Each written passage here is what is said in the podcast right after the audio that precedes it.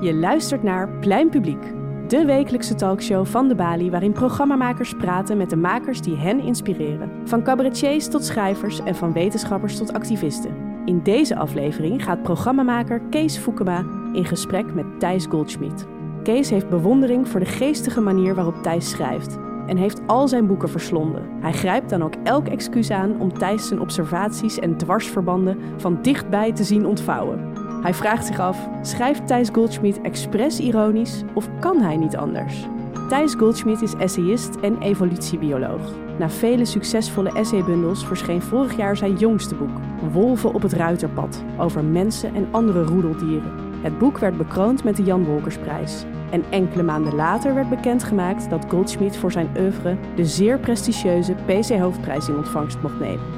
Een gesprek over zijn meesterlijke ironische schrijfstijl en over de kracht van kunst. Goedemiddag en welkom allemaal. Welkom bij Plein Publiek. Een applaus alvast voor Thijs Goldschmidt. Fijn dat je er bent.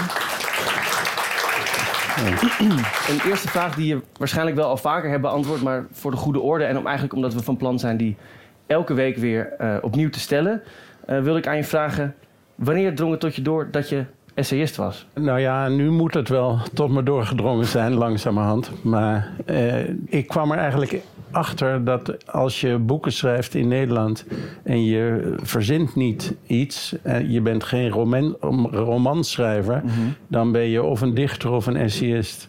Dat zijn ook de drie categorieën die bij de PC Hoofdprijs worden onderscheiden. Ja. Po poëzie, verhalend proza, dus romanschrijvers, verhalenschrijvers en beschouwend proza. En daar, dat zijn de essayisten. Dat zijn de drie hokjes. Ik heb eigenlijk mezelf er nooit zoveel uh, zorgen over gemaakt uh, wat ik wel of niet was. Maar uh, als ik dacht iets te, te, melden te hebben, dan schreef ik het op. Ja. Je moet vaak, bijvoorbeeld als je hier iets komt vertellen, een, een mini-cv inleveren. En dan zei ik vaak bioloog, essayist of essayist, bioloog. Ja, die heeft het ver geschopt, want ik heb het net weer voorgelezen. Ja. ja. Maar er was niet een specifiek moment dat je dacht dit, dit is de vorm voor mij, het essay. Dat moet, dat moet mijn vorm zijn. Uh, nee, dat heb ik eigenlijk nog steeds niet. Dus het zou best kunnen dat ik op een gegeven moment weer in een ander hokje val. Want die hokjes zeggen mij niet zo heel veel. Nee, en er zijn er dus als voldoende. iets me typeert is, denk ik dat ik niet in een hokje pas. Ja. Dat heb ik onlangs ook gemerkt aan de Universiteit van Maastricht.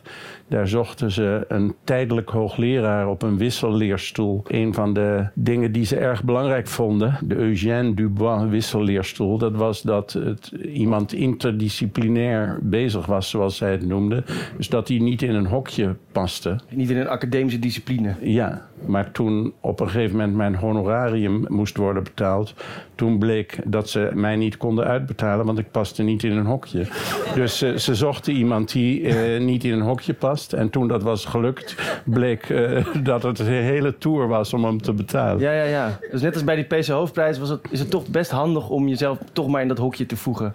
Al is het maar om het honorarium te mogen ontvangen nou, ja. of de ja. prijs. Ja. En nu was het woord essay, dat stond onder druk. Of in ieder geval het CPMB, die kondigde laatst aan dat ze wellicht van het woord boekenweek essay af wilden. Omdat het essay, dat zou jonge lezers afschrikken. Nou ja, dat is wel zuur als je net een prijs toegekend hebt gekregen en het, het, genre wordt afgeschaft door ja. de CPMB. Dus, uh, dat zal niet de eerste keer zijn. Uh, maar ik geef wel toe dat lange tijd ik zelf niet heel precies wist wat nou wel en niet een essay is. En ik denk ook dat het in Engeland iets anders is dan bijvoorbeeld in Frankrijk, waar in navolging van Montaigne ja. uh, essays worden geschreven. En dat is vaak wat springeriger en associatiever en met een grotere diversiteit aan onderwerpen, niet per se wetenschappelijk. Terwijl in Engeland een essay ook niet altijd, maar wat vaker een wetenschappelijke inslag heeft. En dan permitteert een essayist zich meer vrijheden dan een serieuze onderzoeker zich kan veroorloven. En dat is ook wat mij aantrekt aan dat genre, dat je dingen kunt opperen dichter, K. Michel, heeft in verband met Dick Hillenius wel eens gezegd: ja, dat is eigenlijk een opperaar. Hij oppert dingen, maar ja. hij voelt niet zozeer de verplichting om met dubbelblind experimenten aan te tonen of het wel precies klopt wat hij zegt. Dat laat hij aan anderen over. En het fijne van Dick Hillenius is ook dat je niet een pimpelmees en een koolmees hoeft te kunnen onderscheiden om zijn essays over biologie te lezen. Omdat hij Nee, maar daarna kan je dat wel. Daarna kan je dat wel. Dat en meer, al een goede reden om uh, Dick Lenius eens te lezen. En merk je ook al dat je nu nieuwe lezers krijgt... vanwege bijvoorbeeld die aankondiging van de Europese hoofdprijs? Ik denk het wel, want het boek verkocht aanvankelijk uh, niet heel goed, maar wel aardig. En uh, sindsdien uh, gaat het heel goed met de verkoop van het boek. Dat verheugt me dat er vele drukken zijn nu. Maar of mensen het ook echt lezen, weet ik natuurlijk niet. Ja. Dus daar merk je niet zoveel van. Die dingen die je dus in een essay zo fijn kunt opperen... en dingen die je aan elkaar kunt rijgen... zonder dat, dat het heel wetenschappelijk of heel zwaar moet zijn... dat stelt jou in staat om dingen aan elkaar te rijgen. Nou, ik heb er een paar gepakt. Televisie kijkende stekelbaarsjes. De porno van Willem-Jan Otte, die werden dan aan elkaar gekoppeld. En bijvoorbeeld in je laatste boek Yetis en nazi's. Ja, en ik niet, heb ook... niet de porno van Willem-Jan Otte, maar zijn bespiegelingen over pornografie. nou ja, dat is altijd het Nee, maar ik hecht er wel aan om precies te ja, ja, ja. formuleren. Dus het zijn niet de fysiek boekjes van uh, nee. Willem-Jan Otte. Net zoals een naaktfotograaf niet zelf bloot is, maar de ja. wat hij. Nee, maar hij schreef uh, inzichtgevend over de werking van uh, pornografie in een essay Denken is een lust uit 1983. En daarin ging hij eigenlijk verder op het werk van een andere door mij bewonderde essayist, Rudy Kousbroek, die ook al over pornografie had geschreven. En uh, ik vind dat een interessant onderwerp ook zelf. Wanneer werkt een, een, foto of een beeld en wanneer werkt het niet? En hoe komt dat dan? In een van je eerdere essays kwam ik iets tegen, dat vond ik wel interessant. Dat was dat er vaak heel veel belangen bij gemoeid zijn om een scherpe scheidslijn te trekken tussen bepaalde dingen. Nou, je had het net al over hokjes, dat we die kennelijk al heel erg belangrijk vinden. Maar in dit geval ging het over de scheidslijn tussen mens en dier bijvoorbeeld. Omdat je die scheidslijn zo scherp trekt, kunnen wij onszelf toestaan om nou, heel achteloos met dieren op te gaan. Of ze op te eten, of ze nou ja, uit te roeien. Zo heb, ben ik het steeds meer gaan zien. Als uh, het onderscheid tussen mens en dier legitimeert eigenlijk een andere omgang. In het verleden is dat in ieder geval altijd zo geweest. En ik hoop dat dat nu uh, verandert en dat de bio-industrie snel zal verdwijnen, al lijkt het daar niet op. Maar die, dat dualistische denken in mens en dier in plaats van in mensen als primaten, weliswaar hele intelligente en bijzondere, maar toch ook uh, primaten en andere dieren. Dat dualistisch denken heeft, denk ik, voor heel veel ellende gezorgd. En daar heeft uh, Frans de Waal bijvoorbeeld uh, heel goed over geschreven in The Ape en de Sushi Master. Ja, en, en dat onderscheid houdt dan ook voor jou als bioloog niet stand, maar voor jou als essayist is het ook een mooie uitdaging om die scheidslijnen enigszins te doen vervagen. Ja, inderdaad, ja. ja. En het, is, het bestaat natuurlijk al heel lang. Dus het begint al met uh, Genesis, uh, waarin de mens uh, kroon op de schepping is en boven de andere dieren gesteld is en ja. daar het vruchtgebruik van heeft en daar naar believen over kan heersen. Dus ja. dat, dat is zo'n diepgravende invloed geweest op onze cultuur. Ja, die mythe, die metafoor, die kroon op de schepping, die is nog steeds heel sterk in onze. Nou ja, ik hoop dat het uh, in stadsdeelcentrum langzamerhand wat minder wordt. In de pleinzaal van de Bali. ja, wellicht. Dus ik zit hier maar omringd niet... door dieren, gelukkig. Maar ook bijvoorbeeld de scheidslijn, daar moest ik dan even aan denken tussen boer en burger bijvoorbeeld. Dat is in het kader van de aankomende verkiezingen. Dat is een, een scheidslijn die biologisch niet zoveel stand houdt. Maar waar we toch, ja, waar toch heel veel belangen bij gemoeid zijn dat we die uit elkaar houden. Ja, mensen houden heel erg van het uh, maken van tweedelingen. Dat heeft mij ook wel eens verbaasd, dat het altijd tweedelingen zijn. En er is een uh, socioloog die nog voor de Eerste Wereldoorlog een boek schreef. Ik geloof dat het heet Left Hand, Right Hand. Hertz heet hij. Die heeft dat helemaal uitgewerkt, dat thema van uh, links-rechts indelingen. Of, of tweedelingen, dus bitter en zoet, links en rechts, normaal en abnormaal. Het zou wel eens te maken kunnen hebben met onze tweezijdig symmetrische bouw. Dat we daar zo aan hechten. En dat dat in, niet alleen in onze cultuur, maar, maar in allerlei culturen verankerd zit. Want we hebben een linkerkant en een rechterkant. Dus bijvoorbeeld in de Arabische wereld, maar niet alleen daar. Op plekken waar met de hand wordt gegeten, is het taboe om met je linkerhand te, mm-hmm. te eten. Daar reinig je de aars mee. En, en met de rechterhand kun je dan in de gezamenlijke eetschotel. Dus dat is heel strikt gescheiden. Maar ja, ik vroeg me wel eens af, als wij zeesterren waren geweest, dan was misschien alles wel in vijven gedeeld. Ja. Dus uh, misschien is die koppeling, uh, heeft die te maken met onze symmetrische bouw en een, ja, een spiegeling om een symmetrieas. En dat is een van de redenen dat ik het onderwerp links en rechts in de evolutie ook interessant vind. Eigenlijk omdat het niks is. Het is een afspraak, een verbale afspraak. Ja, daardoor zou je bijna kunnen denken dat we een beetje universeel verslaafd zijn aan die dualismes. Nou, het is natuurlijk ook makkelijk. Amerikanen hebben het voortdurend over losers en winners. Ja. En eh, ik ben daar niet zo'n eh, voorstander van om zo te denken. Nee. Ik ben ooit wel eens uitgenodigd om een bijdrage te leveren aan een boek. En dat zou Loser uh, gaan heten. En daar waren schrijvers voor aangezocht om een stuk te schrijven, een essay. Ik ook, maar ik moest het geloof ik binnen twee weken inleveren. Toen heb ik ook geschreven, ja, het is een onderwerp wat me erg interesseert. ik, ik hou ook van mislukkingen en vooral van de schoonheid die zich vaak in mislukkingen verschanst. En eigenlijk de hele evolutie berust voor een deel op vergissingen en eigenlijk fouten. Mm -hmm. dus het is een onderwerp wat me interesseert. Maar ik zei, misschien is het onbescheiden om naar te vragen. Maar stond ik soms op een lijst van reserve-losers. uh, en dat bleek het geval te zijn. er was dus een echte loser ziek geworden. En hadden ze mij nog uh, voor, voor het geval er uh, iemand zou afvallen. Ja, en vervolgens had je alle tijd om dat op te schrijven. Van... Nee, ik heb ervan afgezien. ja. Dat doen vervagen van, van scheidslijnen tussen tweedelingen. Dat is ook iets waar je. Nou, dat wordt. Ik wil niet de hele tijd het juryrapport van de PC Hoofdprijs citeren. Maar dat wordt daar ook genoemd dat je de kunsten en de wetenschap dichter bij elkaar brengt. Of oversprongen maakt tussen cultuur en natuur. Maar wat er ook staat, is dat je een, een meester bent in de lichte ironie. Ben je het daarmee eens? Ja, het klinkt een beetje als uh, soft porno. dus, uh, Moeten we Willem-Jan dus, uh, vragen? je hebt echte ironie. En daar, daar zou ik best een meester in willen zijn. Maar lichte ironie, wat is dat precies? Ja. Het zijn eigenlijk grapjes die geen kwaad kunnen. Of, nou, dat vroeg ik me af. Ja, ik weet ook niet precies. Ik dacht nee, misschien is... Nee, maar dat is een beetje flauw. Maar ik voel me zeer vereerd door dat juryrapport. En wist eigenlijk niet wat ik las. Zo, Laten we niet de jury gaan op, afkraken. Op, opbeurend was dat. Ja. Maar ja, ik denk wel dat ik de neiging heb om met dingen te spotten. En Mhm. ook uh, hopelijk met mezelf. Want zijn er onderwerpen waar je bijvoorbeeld niet ironisch over zou kunnen schrijven?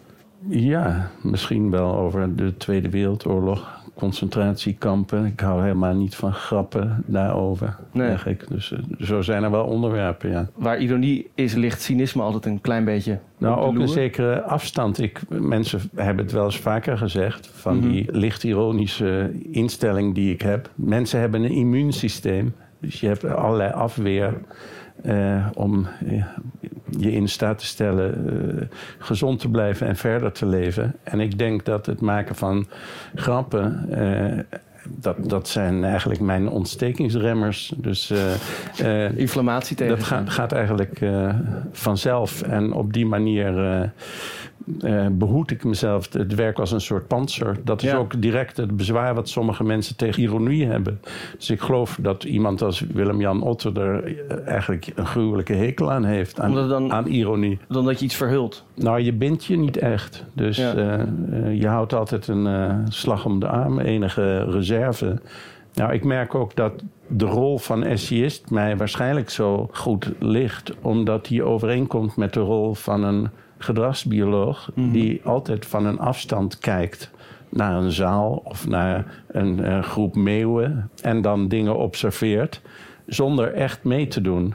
En die neiging heb ik wel sterk om niet echt mee te doen. Dus ik werd wel eens meegevraagd naar een stadion, om dan naar een voetbalstadion, om naar een wedstrijd te gaan van Ajax. Ja. Nou, dat vind ik eh, hoogst beangstigend. Dus ik ben echt eh, absoluut niet die, die kant op te krijgen.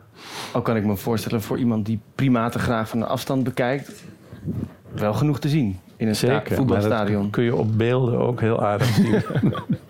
Ja. Nou ja. Nee, maar het is ook zo. Er zijn eh, gedragsbiologen zoals Otto Adang... die eh, eerst eh, jonge chimpansees heeft bestudeerd jarenlang... en interessante onderwerpen aansneed. Bijvoorbeeld het pesten. En uh, in een tijd dat je in de krant, 15 jaar geleden is het denk ik, uh, voortdurend las over pesten en dat het moest stoppen op scholen. Mm -hmm. En dat de kinderen die gepest werden daar zo onder leden. Er werd trouwens ook meteen weer die tweedeling gemaakt in pesters en slachtoffers. Ja. Schiet me nu te binnen.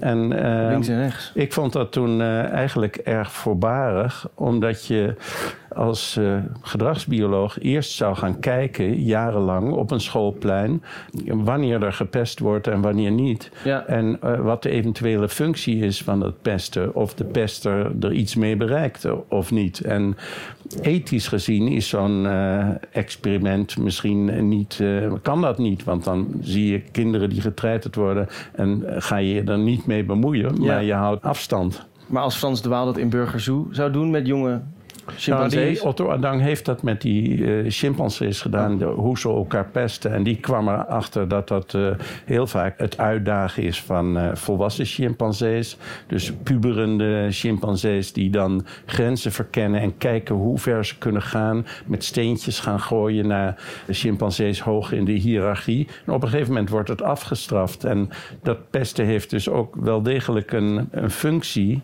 in het leren eh, kennen van grenzen die je beter niet kan overschrijden, omdat dat repercussies zou hebben. Precies. En deze Otto Adang, om terug te komen op het voetbalstadion, die is later in stadions gaan kijken naar voetbalsupporters en speciaal hooligans. En die kon op een gegeven moment, net als bij de chimpansees, al tien minuten van tevoren voorspellen.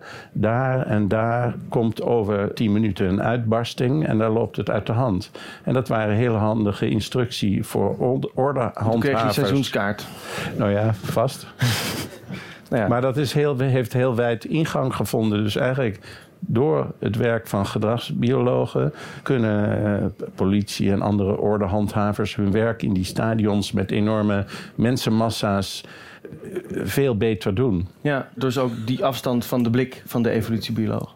Ja, De afstand die we-. Die Ja. we, die we aanstipten omdat we het over ironie hadden. Er kan van alles over gezegd worden en dat heeft de PC Hoofdprijs inderdaad heel lauwend en mooi opgeschreven. Maar ik heb altijd in jouw stukken, als je de lezer meeneemt in een grapje in, in jouw ironie, dat de lezer zich altijd net wat slimmer voelt dan waarschijnlijk terecht is. Omdat je heel langzaam mee wordt genomen in de grap. Dus daarvoor dank in ieder geval.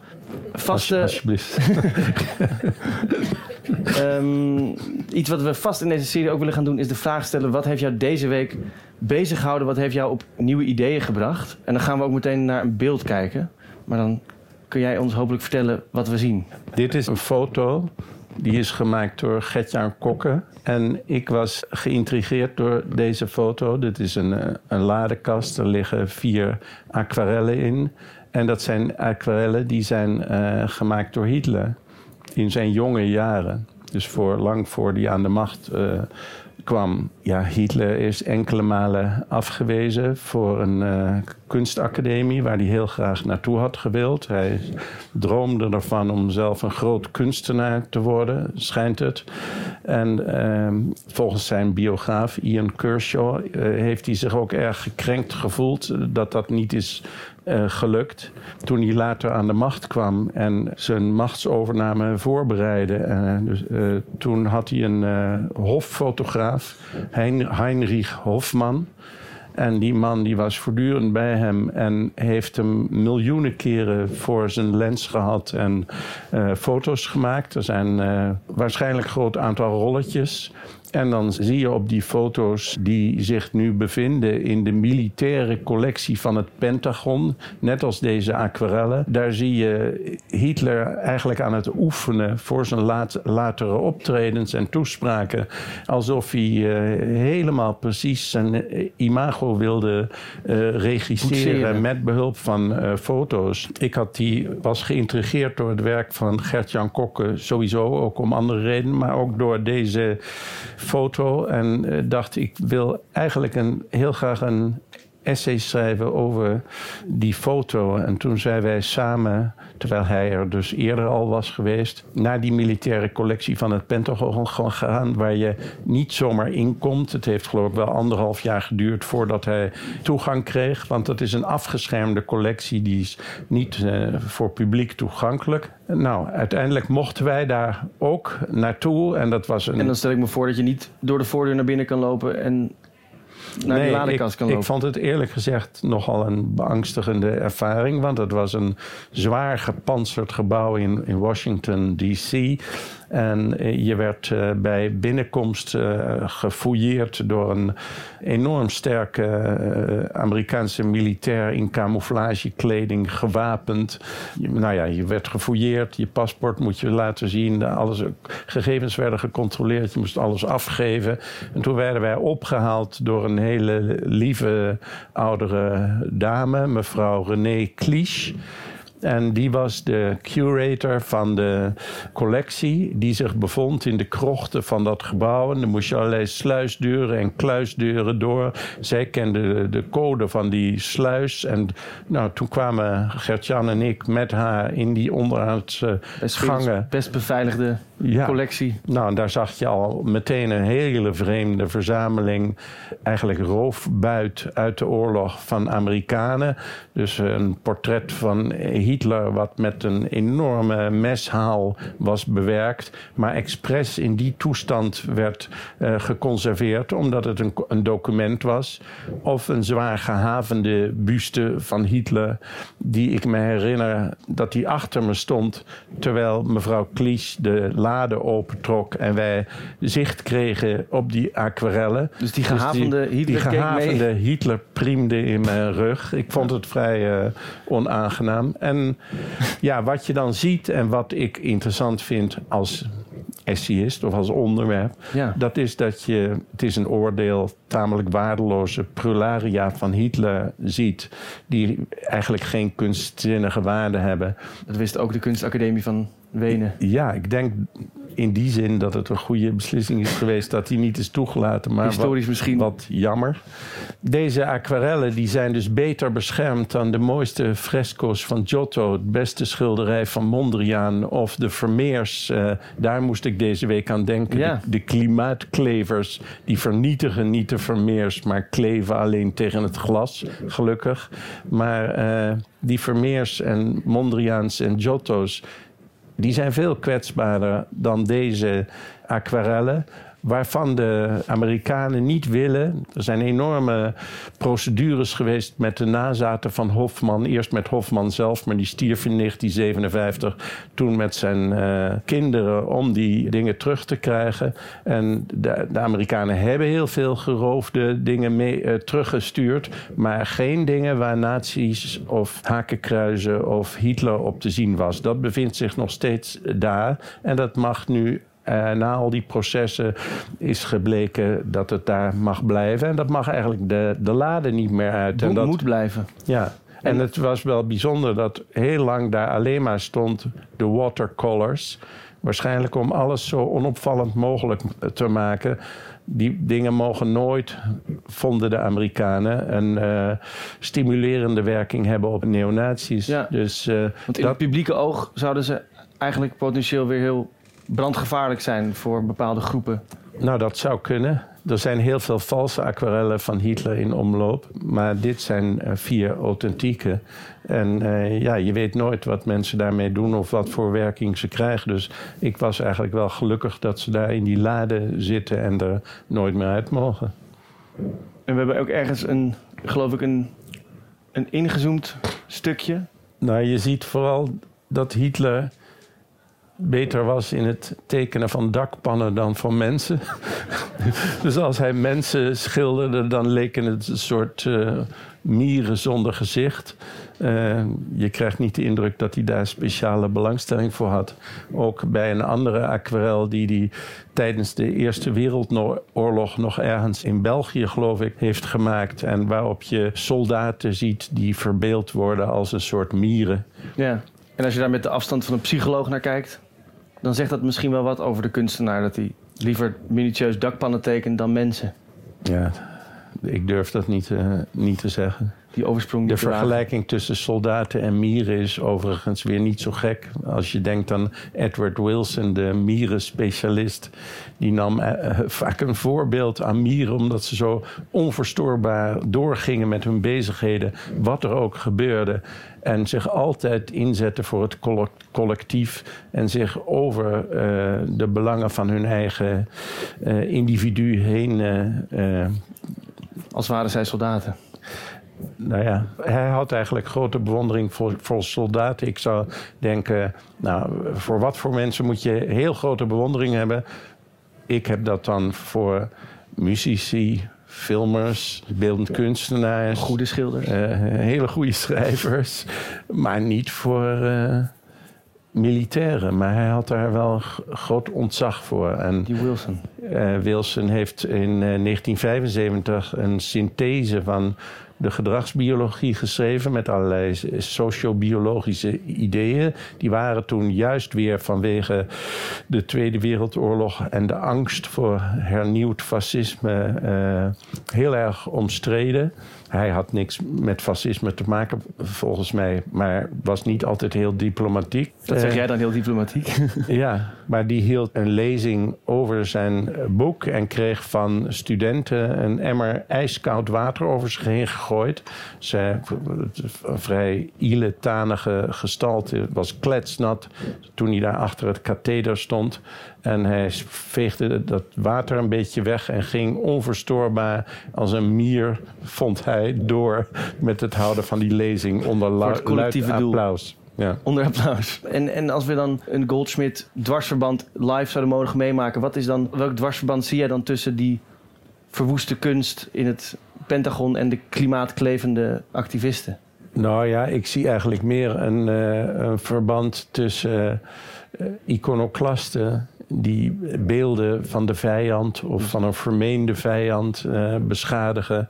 Uh, dus beeldbrekers. Iconoclast beeldbrekers. Zo, zo, zoals de verminkte portretten van Hitler. Die zijn, hè, dat was, waren beeldtenissen van de, van de vijandige leider die met opzet werden beschadigd. Uh, maar zo worden er soms ook echt goede kunstwerken beschadigd. Zoals de, de eerste suffragette uh, die opkwamen voor de achterstelling van de vrouw. Naar mijn smaak helemaal terecht. En die vanwege de gevangenschap van Emmeline Pankhurst heette ze geloof ik is een van hen het museum binnengedronken in, in Londen, waar een uh, Velasquez hing. Een schilderij waarop een naakte vrouw te zien was, die in de ogen van de suffragette uh, als, als lustobject fungeerde voor mannelijke bezoekers. En uh, Mary Richardson, die heeft toen uh, uh, met een scherp voorwerp dat schilderij vernietigd. Dus, dus dat, dat, is een. dat lichaam van die vrouw aan Flarden. Aan Flarden gesneden. Ja, en zij meende dus dat het, hoe heet dat, het doel de middelen heiligde. En ja, ik vind dat eigenlijk van niet. En ook met die beeldbrekers ben ik heel bang dat uh, er een Vermeer beschadigd zou raken. Dus ik, terwijl ik sympathiseer met uh, klimaatactivisten en wel degelijk doordrongen ben van de urgentie van de problemen dat er echt iets moet gebeuren. Daar niet denk, lichtvoetig ironisch over zou Nee, denk ik schrijven. toch niet dat dit uh, manier is. Nee. Mm -hmm. Het is ook beetje... vaak zo, de kunstenaars die hebben daar niet zoveel mee te maken. Dus nee. ik weet niet welk jaar het was, misschien 2007, dat Alexander Brena, een uh, Russische uh, man die zichzelf kunstenaar noemde, het Stedelijk Museum binnendrong en afging op een schilderij van Malevich, een uh, wit kruis op wit.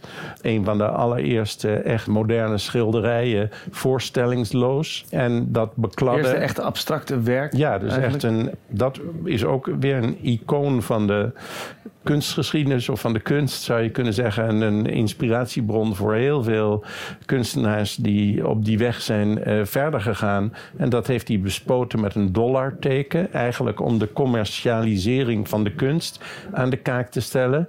Die soms ook echt uit de hand loopt. Maar naar mijn idee is dit dan niet de manier om dat te doen. Hij verantwoordde het als een kunstzinnige daad. Hij zou zich hebben verhouden tot Malevich. En ik denk, ja, dat is, vind ik echt onzin. Die uh, Malevich is al lang dood. Hij kan zich niet verweren. En zijn een schitterend schilderij wordt uh, mogelijk voorgoed verminkt. Het is geloof ik gelukt om het te restaureren. Maar... En dan wil, wil ik ook nog even hier naar kijken. Waar kijken we hier naar? Ja, dit is een, een werk van een vriend van me, een beeldend kunstenaar, Roy Villefoy. En het is een hyperrealistisch beeld dat hij heeft laten maken door een man die Remy heet hij, ik ben even zijn achternaam kwijt, die voor Naturalis en andere natuurhistorische musea over de hele wereld uh, reconstructies maakt van uitgestorven dieren. En die man is daar zo goed in dat hij zeer aannemelijke stegosaurus en pterodactyli en allerlei al lang uitgestorven dieren tot leven weet te wekken. Bijna zo echt zijn die reconstructies. Ja. Misschien valt het tegen als je een levende daarnaast zou houden, maar dat, Wie zal het zeggen? dat zullen wij nooit weten. Maar in ieder geval, dat was de reden voor Roy om contact met hem te zoeken.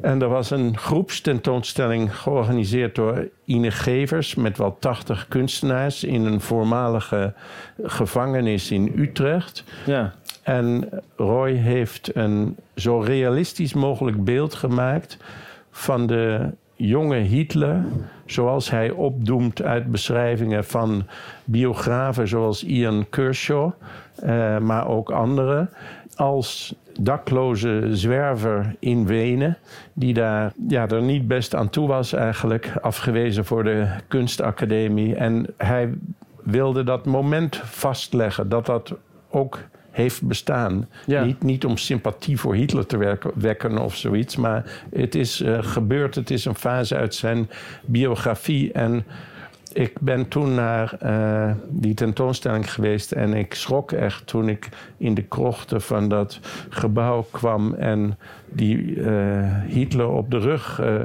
zag en even de sensatie kreeg dat daar echt iemand stond. Ja, en vind je het eigenlijk een deerniswekkend figuur of roept het wel iets van medelijden bij je op?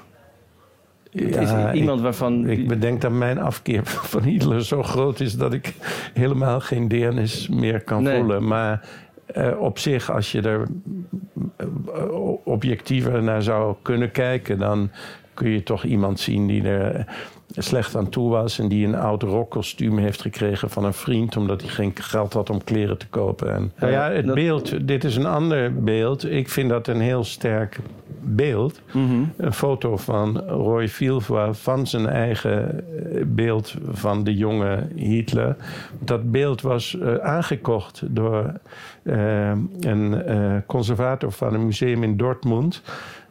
Dat was toen een, een Nederlander, Edwin Jacobs. En die vond het een interessant beeld en zal motieven hebben gehad om dat in de collectie te willen hebben.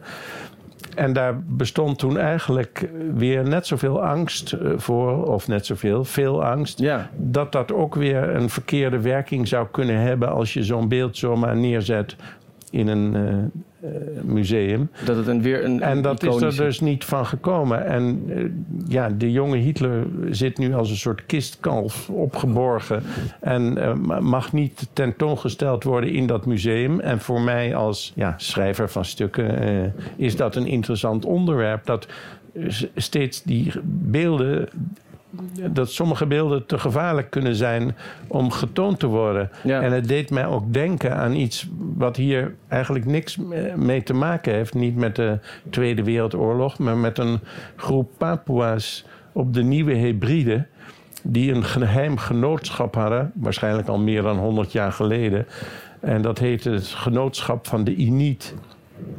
En die Iniet, ik hoorde daarvan van een schilder die daar ook door geïnspireerd was, Lucassen. Mhm. Dat Iniet-genootschap, eh, die, daar waren beeldsnijers of hakkers die uit eh, steen kleine beeldjes, antropomorf, hakten.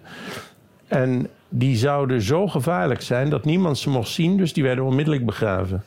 Nou, dat is eigenlijk iets wat ik had verzonnen voor deze bijeenkomst. om, omdat zoiets me interesseert. Dat Ja. hè, de, de aquarellen van Hitler mogen de lade niet uit. De jonge Hitler mag de kist niet uit. die Inietbeelden die mochten, moesten worden begraven, anders zouden ze een desastreuze werking kunnen hebben op. Ja. En wat mij wel fascineert is dat beelden Mhm. zoiets vermogen, dat, ze- dat ze die kracht kunnen hebben. Ja. Dat, eh, dat, En de keerzijde van die medaille is dus dat ook dictators zo, zoals, nou ja, eh, waar dit beeld op gebaseerd is, de man die later een dictator zou worden, die, de dictators van vandaag de dag, die weten heel goed dat ze kunst moeten afschaffen, omdat ze weten hoe krachtig dat kan zijn. Om, Nou, dat zou best een motivatie kunnen zijn. En een andere kant vind ik ook als je kijkt naar zogeheten overwinnaars die ergens een gebied binnentrekken na het voeren van een oorlog. Denk maar aan de Amerikanen in Irak, ja, 2003. Die eh, in, ergens in Bagdad eh, werd een enorm beeld van Saddam Hussein omgetrokken. Het werd door een of meerdere Amerikaanse eh, soldaten in een vlag gewikkeld. Die vlag werd vastgeknoopt, de Amerikaanse vlag, eh, om het hoofd van eh, eh, Saddam Hussein. ja, Een eh Irakees, in een soort overwinningsroes, trok een, een schoen uit, een sandaal, en begon op dat beeld te timmeren. Voor een moslim een manier om iemand te vernederen. Dus zo wordt een, een vijand van een, een verslagen vijand vernederd. En zo zag je ook na de val van de Sovjet-Unie dat naar schatting, het is beschreven in een boek, ja. The, The Destruction of Art door Dario Gamboni. Dat 70.000 beelden van Lenin, sommige zo groot dat je nekpijn krijgt eh, van het naar boven kijken als je naar die enorme gestaltes keek, die zijn eh omge- omvergehaald en omgesmolten. En ja, soms kon je in Rusland een badkraan of een tosti-ijzer kopen. Maar dat was eerder dus een deel van het beeld van Lenin. Wel, wie weet wat voor icoon zo- dat... Zoiets interesseert mij dat de- zo'n eh, stuk metaal vol- volslagen van functie verandert. Maar dan kan je dus misschien een heel gevaarlijk tosti-ijzer hebben... die weer voor bepaalde groepen weer tot heel belangrijk tosti-ijzer kan worden gemaakt. Vorige week zat hier Stephanie Hogenberg. Die debuteerde met haar boek We hebben het over je gehad. En die had een vraag voor jou. En ik ga zo meteen ook aan jou vragen of jij een vraag hebt voor de volgende gast. Maar die wilde van je weten... als je iemand zou moeten afschrijven op papier... wie zou dat zijn? Hitler? Nou, met oog op de tijd lijkt me dat een goed antwoord. Eh, hoef ik En- niet, niet zo lang over na te denken. ik denk, een mo- mooi, eh, mooi antwoord. En het leuke is, jij kan weer een, een, een vraag bedenken voor de gast van volgende week. En dan zit hier mijn collega Jan de Mosselman met Maria Barnas en fotograaf Robin Dupuy. En wat zou jij aan hen willen vragen? Ik zou hen willen vragen om het verschil te beschrijven tussen een gedicht en een bouillonblokje.